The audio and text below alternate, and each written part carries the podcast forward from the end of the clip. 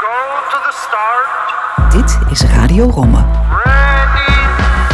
Met Gianni Romme en Lisbeth de Wijs.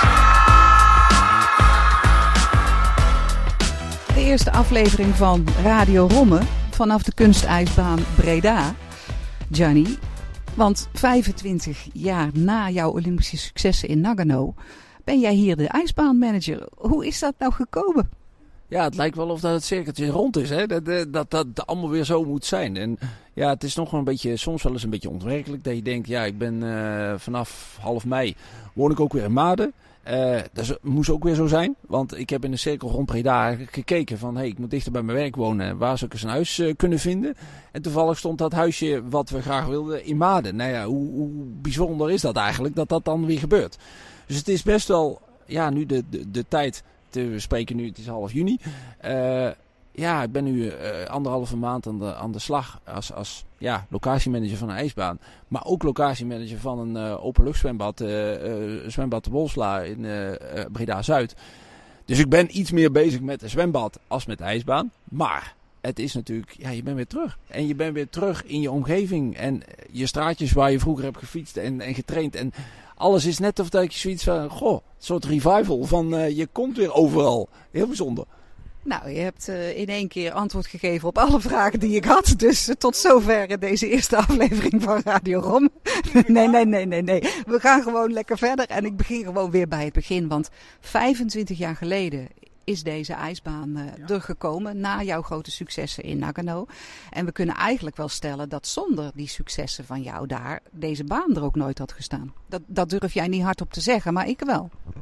Ja, nee, die bescheidenheid hou ik er wel in. Eh, het is wel zo dat eh, toen ik, eh, het is ook een toevalligheid natuurlijk, dat ik in die tijd ook een Bredaanse eh, sponsor had. Spaarselect zat natuurlijk in de binnenstad van, van Breda. De ijsbaan heeft ook nog een tijdje Spaarselect baan eh, geheten. En wij hebben volgens mij de opening hier ook nog gedaan. Met Erben was ik hierbij. Maar verder heb ik natuurlijk heel weinig binding gehad met deze ijsbaan. Mijn vader en moeder hebben hier meer binding gehad als dat ik heb gehad. Omdat je, je was eigenlijk altijd onderweg en internationaal je, je training aan het doen. Dus het is best wel bijzonder dat je, en dat was ook eigenlijk de reden waarom dat ik terug ben gekomen. Dat het in één keer, ja, vacature, mijn, mijn voorganger Pim, eh, die ging een andere baan eh, zoeken. En ik, ja, ik zit in het bestuur van alle ijsbanen van Nederland. Dus het werd daar in één keer online eh, gepost. Ik zeg, oh, maar wacht eens even. Dit is de kans dat ik eigenlijk terug kan komen in mijn eigen gebied. Maar ook eh, dat ik een, een beweegbedrijf mag leiden. eh, wat misschien wel door toedoen van mijn prestaties er gekomen is. In een omgeving die eigenlijk helemaal niet zo schaatsmijnd vroeger was. Want de fiets was belangrijker. De wielrenfiets. En eh, ja, vind ik dat heel leuk om, om eigenlijk hier te kunnen faciliteren aan mensen die plezier hebben. Maar ook plezier hebben de talentjes die dan groeien. Ja, mooi. Maar je hebt aan de basis gestaan van die baan, hè? want je zegt het zelf al, Spaarselect zat in Breda. Spaarselect werd jouw sponsor. Eh, ineens ging het schaatsen weer leven in West-Brabant. Dus dat die baan hier uiteindelijk gekomen is, is eigenlijk toch wel aan jou te danken. En daar ben jij nu ineens de manager. Hoe voelt dat dan? Ja, dat is, dat is heel bijzonder. Want het voelde ook wel echt als, het is mijn ijsbaan. En dat mijn ijsbaan niet door mijn toedoen of door mijn, eh, dat het echt van mij is. Maar meer het gevoel van, hey West-Brabant, daar ben ik opgegroeid. Schaatsen was eerst altijd iets meer van Friesland of van Zuid-Holland. Eh, maar uiteindelijk voelt het wel van, hey, eh, ik heb dat ergens op de kaart kunnen zetten als, als, als West-Brabander. En iedereen dacht met mezelf, ben jij aan het schaatsen, waarom ga je niet wielrennen? Want dat kan je toch ook redelijk goed. Maar ja, dat zat zo diep in mij, die passie. En die zit er nog steeds. Dat ik het zo mooi vind dat ik ja, nu hier die, de- dat bedrijf mag leiden. En dat ik denk van ja, al die liefhebbers die hier zitten. Want er zijn er genoeg liefhebbers die gewoon graag schaatsen. En ja, dat moet je kunnen faciliteren. En de uitdaging die ik in Twente heb meegemaakt en geleerd, gelukkig de laatste vijf jaar. Ja, die wil ik meenemen om, om hier dat bedrijf weer zo goed mogelijk te leiden. We zitten hier nu op het middenterrein van de ijsbaan. Eh, Op de achtergrond duidelijk te horen. Ja, wat, wat zijn ze eigenlijk aan het doen hier? Nou ja, een, een ijsbaan die stil ligt in de zomer is altijd een beetje een naar beeld. Dat je denkt bij jezelf, shit, er gebeurt hier niks. Het is raar. Hier, hier hoort toch eigenlijk gewoon... Geen ijs. Nee, hier hoort toch ijs te liggen. Maar ja, dat, eh, iedereen die schaatst in een bepaalde periode. En misschien wordt dat nog wel, eh, dat seizoen wel weer korter. Ook om ja, energieprijzen waar we mee eh, ja, worstelen met z'n allen. Maar ook misschien dat de opwarming van de aarde, dat, dat er ook echt de winters minder worden. En dat dat korter wordt, het seizoen. Maar kijk, als je in juni ijs zou leggen hier, dan, ja, wie komt er? Dat, dat is het. Het is echt een seizoensdingetje. Dus ook, eh, wat gebeurt er dan verder eh, met zo'n accommodatie? Ja, het moet schoongehouden worden, want je bent hier half overdekt. Dus de vogels vliegen hier ook wel in de ronde en die laten wel eens wat vallen. En, en pluisjes en dingetjes. Dus wat je nu hoort is eh, mijn ijsmeester die hier ja, de boel aan het schoonmaken is. Want je moet het schoon houden. Je accommodatie heeft verzorging nodig. zomer en winter. Is ook wel een van de nadeeltjes, toch, van de baan in Breda? Want dat had je bij je vorige baan, de ijsbaan Twente, had je dat niet. Die is volledig overdekt. Ja, een, een, volledig overdekte baan heeft natuurlijk geen invloed van buiten. En ten eerste heeft dat in de winter een heel mooi voordeel. Doordat het ijs niet aanslaat. Want eh, kijk, als er van buiten zit altijd vocht. We hebben een vochtig klimaat. En eh, de grootste ontvochtiger is eigenlijk het ijs. Dus waarom het ijs zo snel wit wordt, is eigenlijk gewoon ons buitenklimaat. Daar kan je niks aan doen.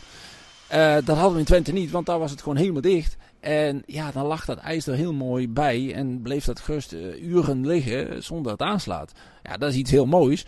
Alleen, eh, ze hebben daar een keus gemaakt om het gelijk helemaal dicht te maken. Ja, hier hebben ze een andere bouw gemaakt, een andere keus. Ja, op heel veel banen is het op deze manier gebouwd, omdat het een iets goedkopere oplossing is. Want een helemaal overdekte baan is gewoon duurder. Wordt het een van de taken van Gianni Rommel om dat veranderd te krijgen hier in Breda? Een overdekte baan? Ik denk dat het belangrijkste is dat de baan eh, tot de lengte vandaag gaat blijven. En dat ik er vooral mee bezig moet zijn om kijken hoe die accommodatie eh, alle ja, stormen van de tijd kan doorstaan. Betekent eh, dat je vooral de grootste uitdaging waar we vooral met z'n allen voor staan, en dat zijn alle ijsbanen, dat we klimaatneutraal moeten gaan worden. Want alle accommodaties moeten in 2050 eh, energie-neutraal zijn, dus, dus CO2-neutraal. Uh, dat is een giga-uitdaging. Uh, en ik denk dat alle investeringen die hier moeten gedaan worden, en dat is bijna bij alle sportaccommodaties, dat daar het geld naartoe moet. Dus ik denk dat een, een hele overdekte baan niet de grootste prioriteit heeft, maar dat het de grootste prioriteit is dat hier geschaatst kan blijven worden. En dat we dat in dat klimaatgebeuren voor elkaar gaan krijgen. Want je kwam dus van Twente. Hoe, kijken ze daar tegen jouw vertrek aan? Nemen ze je iets kwalijk? Nee, ik, ik, ik, het feit is dat daar, uh, ik heb daar best wel uh, een aantal jaar best wel moeilijkheden uh, meegemaakt. Natuurlijk de corona eerst, maar dat hebben we overal. daarna energie. maar de laatste jaren heb ik ook het, ja, het gesteggel met de gemeente daar meegemaakt. En dat betekende, mijn baas was een commerciële exploitant. Net als we hier eigenlijk op die sport hebben. Uh, was het daar uh, eigenlijk Volker Wessels, uh, PCA Dienstengroep, dat is een dochtermaatschappij. Die had een contract getekend voor 20 jaar. Alleen, ja, er was wat gesteggel en dat wilden ze eigenlijk anders. ze wouden het contact openbreken, kijken of dat wat anders kon. Ja, gemeente lastig, moeilijk, allerlei dingen. Dus daar heb ik heel wat tussen gezeten. En daar zat de toekomst ook niet heel duidelijk. Ze hebben zelfs over sluiting gehad. En, dus ik dacht mezelf, kom op, zo'n mooie accommodatie. Maar je kan er eigenlijk niks aan doen. Je staat een beetje met de rug tegen de muur. En dan voel je ook van, hé, hey, ik weet niet waar het heen gaat. En, nou, uh, en toen kwam dit. Toen dacht ik, maar wacht even. Uh, waar kies ik dan voor? En dat is niet kiezen voor zekerheid, maar dat is meer kiezen voor een kans. En die kans vond ik hier. want ik heb ook heel duidelijk in het gesprek gelijk gevraagd, hey, hoe staat hier de gemeente erin? Want dat heb ik geleerd in Twente. Dat ik dacht van, hé, hey, hoe kijken ze daarmee? Want die heb je nodig. Want dit soort accommodaties zijn altijd eigendom van een gemeente. Vaak is het zo dat ze een commerciële exploitant zoeken om te exploiteren. Nou, dat is een ander verhaal, dus het is de combi. Nou, in, die, in dat verhaal uh, gaan ze mij niks kwalijk nemen. En nou is het grappige dat in uh, Twente de gemeente Optisport heeft gevraagd om het daar een jaar te gaan doen als exploitant. Dus het blijft binnen mijn grote organisatie, gaan ze daar nu verder. Dus het is heel bijzonder eigenlijk alles hoe, hoe dingen gaan, maar ja, prima. Dus mocht je terug willen, dan zou dat ook nog een optie zijn. Ja, weet je, uiteindelijk uh, moet je het boek dicht doen. En denken bij jezelf, goh, is mooi geweest, mooie tijd gehad daar. En uh, mijn best gedaan. En mijn uh, mensen die nu komen, zullen ook hun ideeën weer hebben. En dat is hier ook altijd zo. Uh, iedereen zegt soms wel eens wat over voorgangers. Dat is altijd binnen bedrijven zo. Ik zeg altijd, joh, Eh, probeer de dingen mee te nemen die er staan. De goede dingen te zoeken. Kijken wat de lijnen, hoe die uit zijn gezet. En uh, gaat er je eigen sausje overheen gooien. Want dat is het uiteindelijk. Hè. Elke persoon probeert zijn eigen sausje eroverheen te gooien. En dat is uniek. Wat dat ligt aan de persoon. Maar jij bent nu terug in Brabant, back to the roots, uh, zeg je er zelf altijd al over. En dit is ook de baan van jouw ouders eigenlijk, hè? Ja, pa en maat, die hebben hier uh, eigenlijk toch echt begonnen ook uh, met schaatslessen. Want ja, dat schaatsvirus, dat zat er niet alleen bij mij, dat zit ook bij hun. En ja, dat is, dat is mooi als je, als je ook weet, daar hing hier een foto in, de, in de, het schaatscafé, wist ik niet eens. En dan zie je mijn ouders inderdaad lesgeven. Prachtig om te zien. En je denkt bij jezelf, goh, ja, dat, dat is ook niet helemaal langs me heen gegaan. Maar ik was natuurlijk heel erg druk met mijn eigen carrière. En mooi dat hun eigenlijk hier toch ook veel mensen hebben kunnen enthousiasmeren, hebben kunnen helpen. Uh, om, om ja, de, de plezier aan het schaatsen te hebben. En, en dus alleen maar mooi dat dat uh, eigenlijk dat, dat, dat cirkeltje soort van rond is. Dat ik nu hier terug ben. Ik denk, goh, die, de Rommers zijn ergens mee verbonden met schaatsen. En, en dat zit in West-Brabant. En ja, dat dat nu weer terug is, dat ik hier nu ben. Ja, ik weet niet, dat, dat past. Het klopt. Ja. ja het plaatje klopt. Um, doen ze nog iets met schaatsen? Of ja, jouw vader leeft natuurlijk niet meer, maar je moeder, doet die nog iets met schaatsen? Moeders is, uh, heeft, een, uh, heeft een nieuwe relatie uh, gekregen en die is in Goorlen gaan wonen. Want ze zegt ook zo mooi, goh, nou ga jij in Maden wonen en ik woon er al twee jaar niet meer. Ja, dat is ook zo bijzonder. Maar goed, die is in Goorlen gaan wonen en die schaatst altijd nog in Tilburg. Ja, dat is natuurlijk om de hoek. Ik zeg maar, ma, ik wil jou wel hier op de ijsbaan zien, hè. jij komt maar een keer hierheen, zover is die. Dus ze zal hier zeker wel weer een keertje komen, want ze schaatst altijd nog wel een keer of twee in de week dat ze het gewoon leuk vindt. En uh, met, met gewoon de groepjes mensen waar ze gewoon mee afspreekt. En ja, die is gewoon lekker aan het, uh, aan het schaatsen. Nou gebeurt er hier weinig hè, op de baan. Uh, wanneer gaat hij weer open? begin, begin oktober denk ik hè? Ja, het is, het is altijd volgens mij vastgesteld ergens half oktober of het tweede weekend van, van oktober dat we open gaan. En je binnenbaan zal wel ietsjes eerder open zijn. Voor de clubs, uh, ijshockey begint vaak wat eerder. En uh, ja, het seizoen zal, is dan tot half maart volgens mij. Uh, dat, is, dat is een beetje de basis, hoe het altijd is. Want je bent nu vooral actief bij het zwembad, hè? Zwembad Wolfslaar.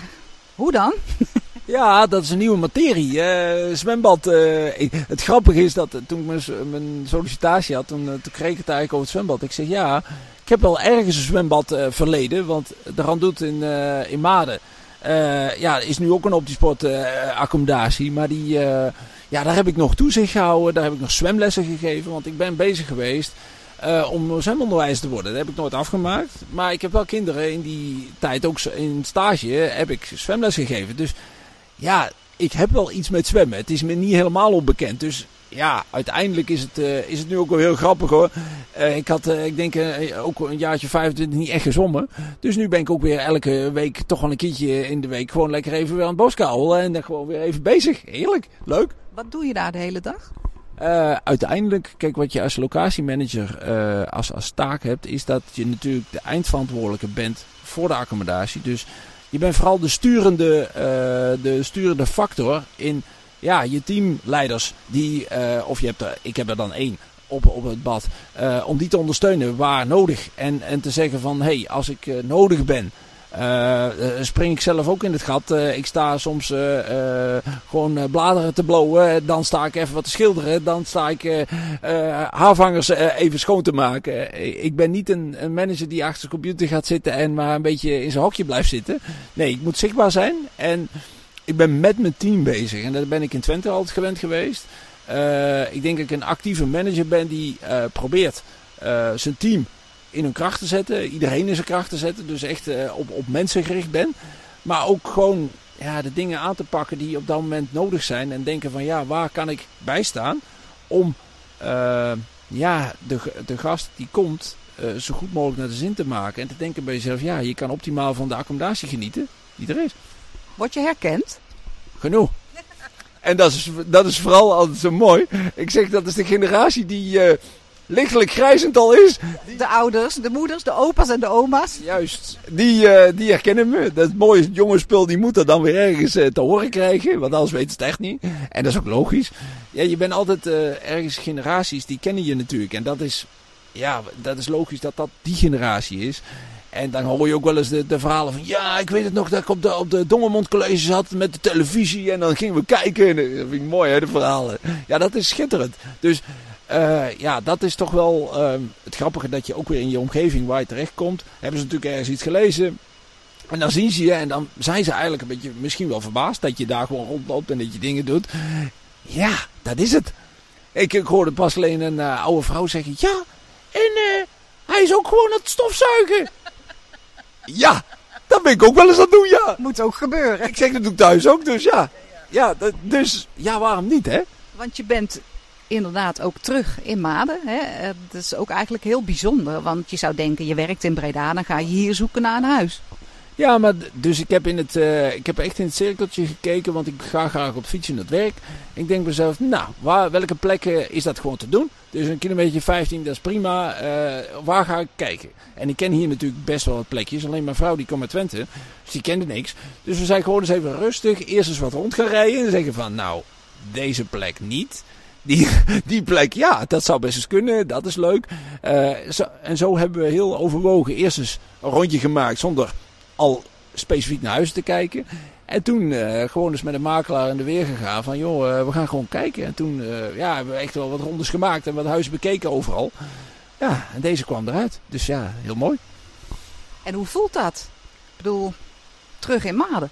Nou ja, Gianni Rome Maden, dat is gewoon één. ja het, is, het, is, het, is, het is ook wel weer zo bijzonder eigenlijk dat je op je eigen dorp, waar je groot bent gegroeid, want mijn geboortedorp is natuurlijk uh, Laag daar ben ik natuurlijk opgegroeid.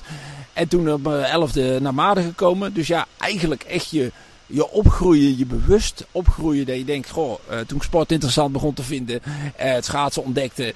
Uh, dat is allemaal in Maden gebeurd. Dus dat is, dat is echt wel, wel leuk om te denken bij jezelf. Ja, daar heb ik natuurlijk ook uh, lagere school gezeten, naar de MAVO gegaan. Toen uh, nog twee jaar Dongermond College in Raamsgeveer. Dus al die dingen heb ik nog wel. Ik heb zelfs nog in dienst gezeten op de Pontedierskazerne ook in Raamsgeveer. Al die dingen die komen weer naar boven. Dat je denkt, goh ja, dat is toch wel bijzonder. En uh, bijvoorbeeld afgelopen weekend, zaterdag, ging ik met mijn vrouw even fietsen naar de Kurenpolder. Ik zeg, ik ben nog nooit op de Kurenpolder geweest. En ik ken het wel. Ik zeg, maar dit is de weggetje hoe ik altijd naar het College ging. Dus ah, dat soort dingen. Dat is echt zo bijzonder. Iedere keer weer komen er die gedachten. Ergens leef ik nu. Maar heel veel dingen gaan iedere keer terug naar vroeger. Dat is heel bijzonder. Hoe beleeft zij het hier? Want ik bedoel, ze is dan uh, voor de liefde met jou meegekomen. Uh, heeft ze ook werk hier? Ja, zij is nog uh, zoekende naar werk. Ik heb ook tegen haar gezegd van joh, we gaan eerst verhuizen. als jij echt in een andere omgeving komt waar je niemand kent, alles is nieuw.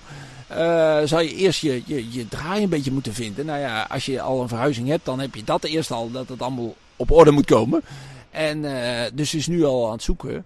Maar ik zeg altijd, ja, ik zei, neem je tijd eventjes, dat je even al die nieuwe indrukken, uh, ja, zij moet een weggetje gewoon nog vinden in een dorp dat je denkt, oh ja, nou ben ik hier, nou ben ik daar. Dat je, als iemand heel zijn leven in dezelfde omgeving heeft gewoond. Ik was altijd al een beetje dat ik overal wel woonde en bezig was. En, en soms, maar voor haar niet. Dus dat is echt wel eventjes een omslagje. Maar zoals ze zich nu voelt. En ze merkt ook wel, ach, die Brabantse mensen die zijn eigenlijk allemaal wel gezellig. En zo'n dorp. Want zij heeft eerst altijd in het dorp gewoond. En, en later toen ze haar eigen huis had in uh, Enschede. Dus echt in de grote stad. Dat was voor haar altijd een beetje zo van, hé, hey, nou ga ik op een dorp wonen. Hoe zou dat dan zijn? Want uh, misschien praten mensen wel constant over elkaar. Ik zeg, nou, dat gebeurt wel. Maar wat merk jij daarvan? En toen zegt ze, oh ja, ja, dat is eigenlijk wel waar. Maar de vriendelijkheid van de, van de Madense mensen uh, vindt ze toch wel heel fijn. Dat ze denkt, goh, in de winkels ook leuk hoe mensen gewoon zijn en, en dat soort dingen. Dus ah, die indrukken zijn gewoon goed. Komt wel goed. Ja, tuurlijk. Nee, maar ook uh, ik in, in Twente zei ik ook altijd, ja, dat zijn toch een uh, soort van, uh, ja, het is niet het Westen. Het, uh, zoals het soms zouden zeggen, het Wilde Westen, maar daar ik ook twintig jaar gewoond. Dus ik kan heel goed gewoon met Amsterdammers en Rotterdammers, die zijn heel direct. En sommige mensen uit Twente of uit Brabant, die vinden dat wel eens lastig, want, omdat ze zo direct zijn. Oh, ik heb er geen moeite mee. Dus wat dat betreft, als stukkers en, en Brabanders, dat gaat meestal goed met elkaar. Want die, dat, dat is rustig en begrijpt allemaal elkaar, relaxed en prima. Komt goed. Um, eventjes het grotere plaatje. Uh, er is een hoop te doen over uh, het schaatsen in Nederland. De KNSB stelt zich op dit moment heel protectionistisch op. Uh, die buitenlanders allemaal in die ploegen, dat moet minder.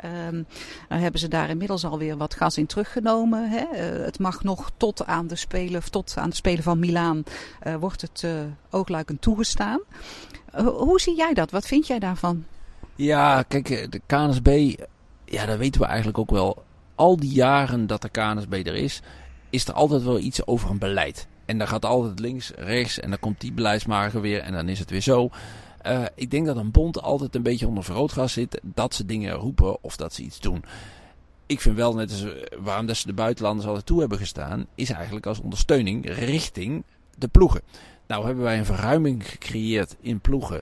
Uh, vroeger had je één keer een ploeg. Nou, daar heb ik tegenaan gebokst om daarin te komen toen had je maar zes man die het bijna professioneel konden doen. En de rest zat in een gewestje en die moest dat met uh, gewoon uh, wat, wat werken en, en daarnaast doen.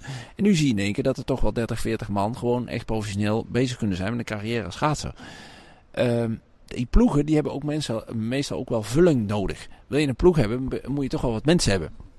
Nou, en dat is uiteindelijk hoe ze toch ook soms in kwaliteit hebben gezocht. Ik weet ook nog met Annie hoe dat was. dat we toch wel mensen bij elkaar gingen zoeken vanuit verschillende invalshoeken. Van hey, hoe kunnen we kwaliteit bij elkaar zetten? Nou, en zo is, denk ik ook de Nederlandse ploeg, hoe dat ontstaan is. Dat ze soms zelfs uh, buitenlanders nodig hadden. En zelfs, kijk, uh, nu heb je misschien uh, Jumbo-Visma als, als, als, ploeg met allemaal Nederlanders. Maar ik weet ook nog dat vroeger een Kip Carpenter zat gewoon bij Jak in, in, een, in een ploeg, wat de voorloper nu van Jumbo-Visma is. Dus, of, of een Alexis Content, die zat daar ook. Dus dat waren ook buitenlanders van goede kwaliteit. Die zaten daar niet voor niks. Die hebben hun aandeel geleverd, maar ze kunnen ook zelf uh, ja, scoren. En dat is uiteindelijk nu een beetje, uh, ja, we, pompen geld ergens in en dan gaan we de buitenlanders steunen. Maar dat dacht ik met mezelf, kijk, als het nou zo is dat we bij een uh, Olympische Spelen er zo met z'n allen zijn afgereden. En dat het zo blijkt van, hé, hey, we zijn eigenlijk meer een opleiding richting het buitenland. En, maar dat is de afgelopen jaren toch nog niet echt gebeurd. Dus de move die ze nu doen, vind ik een beetje bijzonder. Want daar wilde ik eigenlijk naartoe. Hè. Het wordt uh, gebracht uh, als Sven en Irene zijn gestopt. we hebben geen grote kanjes meer. Het Nederlandse schaatsen gaat kapot. en daarom moeten we dat beschermen. Zie, zie jij dat ook zo? Nee. Er staan toch altijd wel weer talenten op? Ja, maar dan, dan ben je wel heel denigrerend naar wat er nu eigenlijk aan schaatsers allemaal rondrijdt. Want een Sven en Irene zijn unieke mensen. En dat wisten we al ongeveer toen ze uh, al, al vier jaar onderweg waren. Toen zeiden we al van, jutje, wat zijn dit voor bijzondere twee ja, schaatsers, atleten. Alleen, uh, als je nu het contingent aan schaatsers ziet wat we hebben. Ja, dat is nog steeds van een hele goede kwaliteit. En, en in potentie zijn het nog steeds mensen die gewoon straks ook de hoofdprijzen kunnen pakken. Alleen, we hebben ook wel eens tijden meegemaakt waar het soms wel eens met een, uh, ja, grotere piek ging. En dan een iets minder grote piek. Maar we zijn altijd wel vooraan gebleven. En dan denk ik bij mezelf, ja, uh, als we even heel ver teruggaan in de, in de geschiedenis, in 1984, weet ik nog bij een spelen, toen deden we helemaal niks. Toen ging het heel slecht in Nederland. Ja, dat kan gebeuren. Maar vier jaar daarna stond in 88 in één keer uh, iemand die drie gouden medailles. En dat weet ook nog iedereen. Dus soms gaat dat zo. Soms moet je ook gewoon het geluk hebben dat je uh, iconische mensen hebt. Maar dat is ook in het buitenland zo. Kijk, uh, soms hebben ze een hele rijke historie aan goede schaatsers. Ook, ook in, in landen die niet zo'n dichtheid hebben met schaatsers. Maar aan de andere kant hebben ze soms ook wat arme jaren. Ja, dat gebeurt. En, en om dan zo'n uh, keuze gelijk te maken, ik weet niet of dat handig is. Dan hebben we het toch ook een beetje over talentontwikkeling. In uh, Twente zat natuurlijk uh, Talentnet of zit Talentnet. Um, zou jij hier ook zoiets op willen of kunnen zetten? Of is dat helemaal geen optie? Ja, uiteindelijk, kijk, Talentnet is ook niet hetgene wat ik heb opgezet natuurlijk. Hè. Dat is ontstaan omdat uh, de investeerder investors uh, zitten... Maar zou je het een gelegenheid willen bieden? Zou je het stimuleren? Kijk, uiteindelijk zit hier natuurlijk al, al initiatieven. Uh, mijn oud-collega Annemarie Thomas, die zit hier natuurlijk al een x-aantal jaar met Delta, Deltalent. Dat is een heel mooi initiatief. Dat hebben ze niet overal in Nederland. Uh, dus uiteindelijk vind ik dat al iets wat, wat heel mooi is wat hier gebeurt. Mijn andere oud-collega Milan Kokker, die doet hier het RTC. Die traint hier ook. Uh, dus uiteindelijk zie je hier al een mooie piramide die er is. Dus het begint ergens bij verenigingen die er gewoon zijn ook. Genoeg verenigingen. En uh, daaruit wordt al geselecteerd eigenlijk op dat jongste gebeuren. Dan gaat de mensen van Delta Lente Beste, die gaan weer door naar een RTC. En RTC's zijn eigenlijk de kweekvijver om naar een topteam toe te groeien. Of zelfs mensen die nog een tussenweg maken, die gaan naar een uh, talentnet toe. Wat soms ook wel eens gezien wordt als een soort jong oranje. Wat ze natuurlijk eigenlijk niet willen bij de KNSB. Maar ja, wat talentnet gewoon zegt van die trekt eigenlijk een lange neus, wij doen het wel. En er komt genoeg talent vandaan. Tuurlijk. Nee, maar dat doen... We noemen ene Joep Wennemars. Dat bedoel ik. Maar ook, ook een Bo Snelling, wat gewoon echt, die heb ik, dat was in de coronatijd Kijk, zien groeien. Dat fantastisch om te zien. Dat ik denk, hé, hey, zie je, uh, ze doen daar de goede dingen. Ze proberen mensen wat mee te geven. Ze, proberen ze klaar te stomen voor het grote werk. Dus ook als een professional bezig te zijn met sport. Uh, ja, ik denk dat dat gewoon goed is. Dus die initiatieven die er zijn. Uh, en dan zie je soms ook wel eens dat een, dat een bond daar moeite mee heeft als er dat soort initiatieven zijn. Want die vinden we moeten halfstarrig zijn, we moeten binnen bepaalde kaders wat doen ene kant snap ik dat. Aan de andere kant ja, moet je soms ook flexibel zijn met zo'n initiatief wat er dan is. Kijk, een investors weet je niet hoe lang dat er bestaat, hoe lang dat ze dat blijven doen, want het hangt af van de geldzieter. Alleen, uh, dat heb je ook met iSkate gezien. Hoe, daar ben ik natuurlijk ook werkzaam geweest. Dat was ook uh, heel veel negativiteit vaak, tegenwerken. En als ik dan zie uh, dat dat toch tien jaar lang of acht jaar lang is daar wel heel veel tijd en energie in gestoken. En er zijn heel veel mensen toch uit naar voren gekomen weer. Dus ja, de eerste aflevering van Radio Romme, die staat er zo'n beetje op. Ja, de eerste. Laten we hopen dat we er heel veel kunnen gaan maken. Hè? Want toevallig heeft Schaatsgekkies ook de basis in Breda. Uh, wat vind je daarvan om in het nieuwe seizoen na iedere belangrijke wedstrijd eens even terug te kijken? Ik denk dat het, het initiatief wat we natuurlijk, uh, wat jij genomen hebt, uh, een paar jaar geleden al, toen we dat eigenlijk mee begonnen, dat het juist iets heel moois kan zijn. En, en ja, we moeten gewoon eens gaan zoeken naar wel, wat voor soort ja, uh, basis kunnen we daarin creëren. En ik denk dat het juist goed is als je voor mensen die van schaatsen houden. Uh, dat je daar iets aan terug kan geven. En dat je ook kan zeggen van, joh, hey, uh, je hebt het in een analytische manier. Dat je, kijk, mijn schaatsliefhebber genoeg. ik slurp het toch wel op dat ik denk van, hé, hey, wat zie ik? Wat, wat, En je bent natuurlijk kenner ik, ik, neem wel iets meer afstand nu, omdat ik geen coach meer ben. Maar ja, je zit te dichtbij om te zien wat er gebeurt. En ik ben te nieuwsgierig soms van, hé, hey, uh, wat doet die, wat doet die? En ook wat je ziet gebeuren met andere zaken die erover uh, soms omheen gebeuren. Want er gebeurt vaak om het schaatsen heel veel. Dat zou dan het schaatscafé zijn, hè, wat we op de schaatsbaan hier in Breda uh, kunnen gaan organiseren. Met publiek erbij, met gasten. je noemde zelf al uh, Annemarie. Nou, dat lijkt me dan een hele mooie eerste gast, bijvoorbeeld. Hè. Ik, ik denk maar hardop. Uh, maar ook een soort podcast, Radio Romme uh, zullen we die dan noemen, stel ik voor. Om gewoon na iedere wedstrijd ook de wedstrijden te analyseren. Ja. Nee, maar dat, kijk, die ideeën waar we het net over hadden. Ik denk dat het juist goed is als je, als je het schaatsen gaat stimuleren in alle vormen. En ook naar mensen die daarnaar luisteren of het fijn vinden om eens inderdaad naar een kenner te luisteren die misschien iets, daar iets over vindt. Uh, kijk, want iedereen vindt er wat van. Collega's van mij ook, oud-collega's zitten natuurlijk vaak ook bij de NOS of, of uh, werken ook bij een radio, uh, landelijk gezien. Het is meer lokaal. Of juist voor de fans gericht. Nou, ik vind dat juist een heel leuk initiatief dat je dat zo doet. Ja, en, en uh, er zit natuurlijk ook wel een klein beetje iets van nostalgisch in. Hè? Want Radio Romme, dat uh, heb, je, heb jij zelf bedacht. En ik vind het eigenlijk wel heel grappig dat het er zo is. Ja, het is eigenlijk bedacht door de collega's, door de schaatspers, hè, zeg maar toen. Want ja, ik bedoel, uh, jij was er altijd en ik was er ook altijd. Over de hele wereld zo'n beetje. en toen was Radio Romme geboren. Ja. En 25 jaar later bestaat Radio Romme nog ja, dus dat is juist wel iets moois. Dat dat misschien uh, niet meer in de actieve vorm zoals het toen was. Maar nu is het in een andere actieve vorm. En dat is juist wel leuk. Dat je dan denkt bij zo, goh, daar zit weer een vervolg aan. Radio Romme 2.0. Juist, dat is het dan. Mooi hè? Prachtig. Nou, dankjewel voor nu. En dan uh, zeggen we maar tot ziens. Zeker, tot snel weer.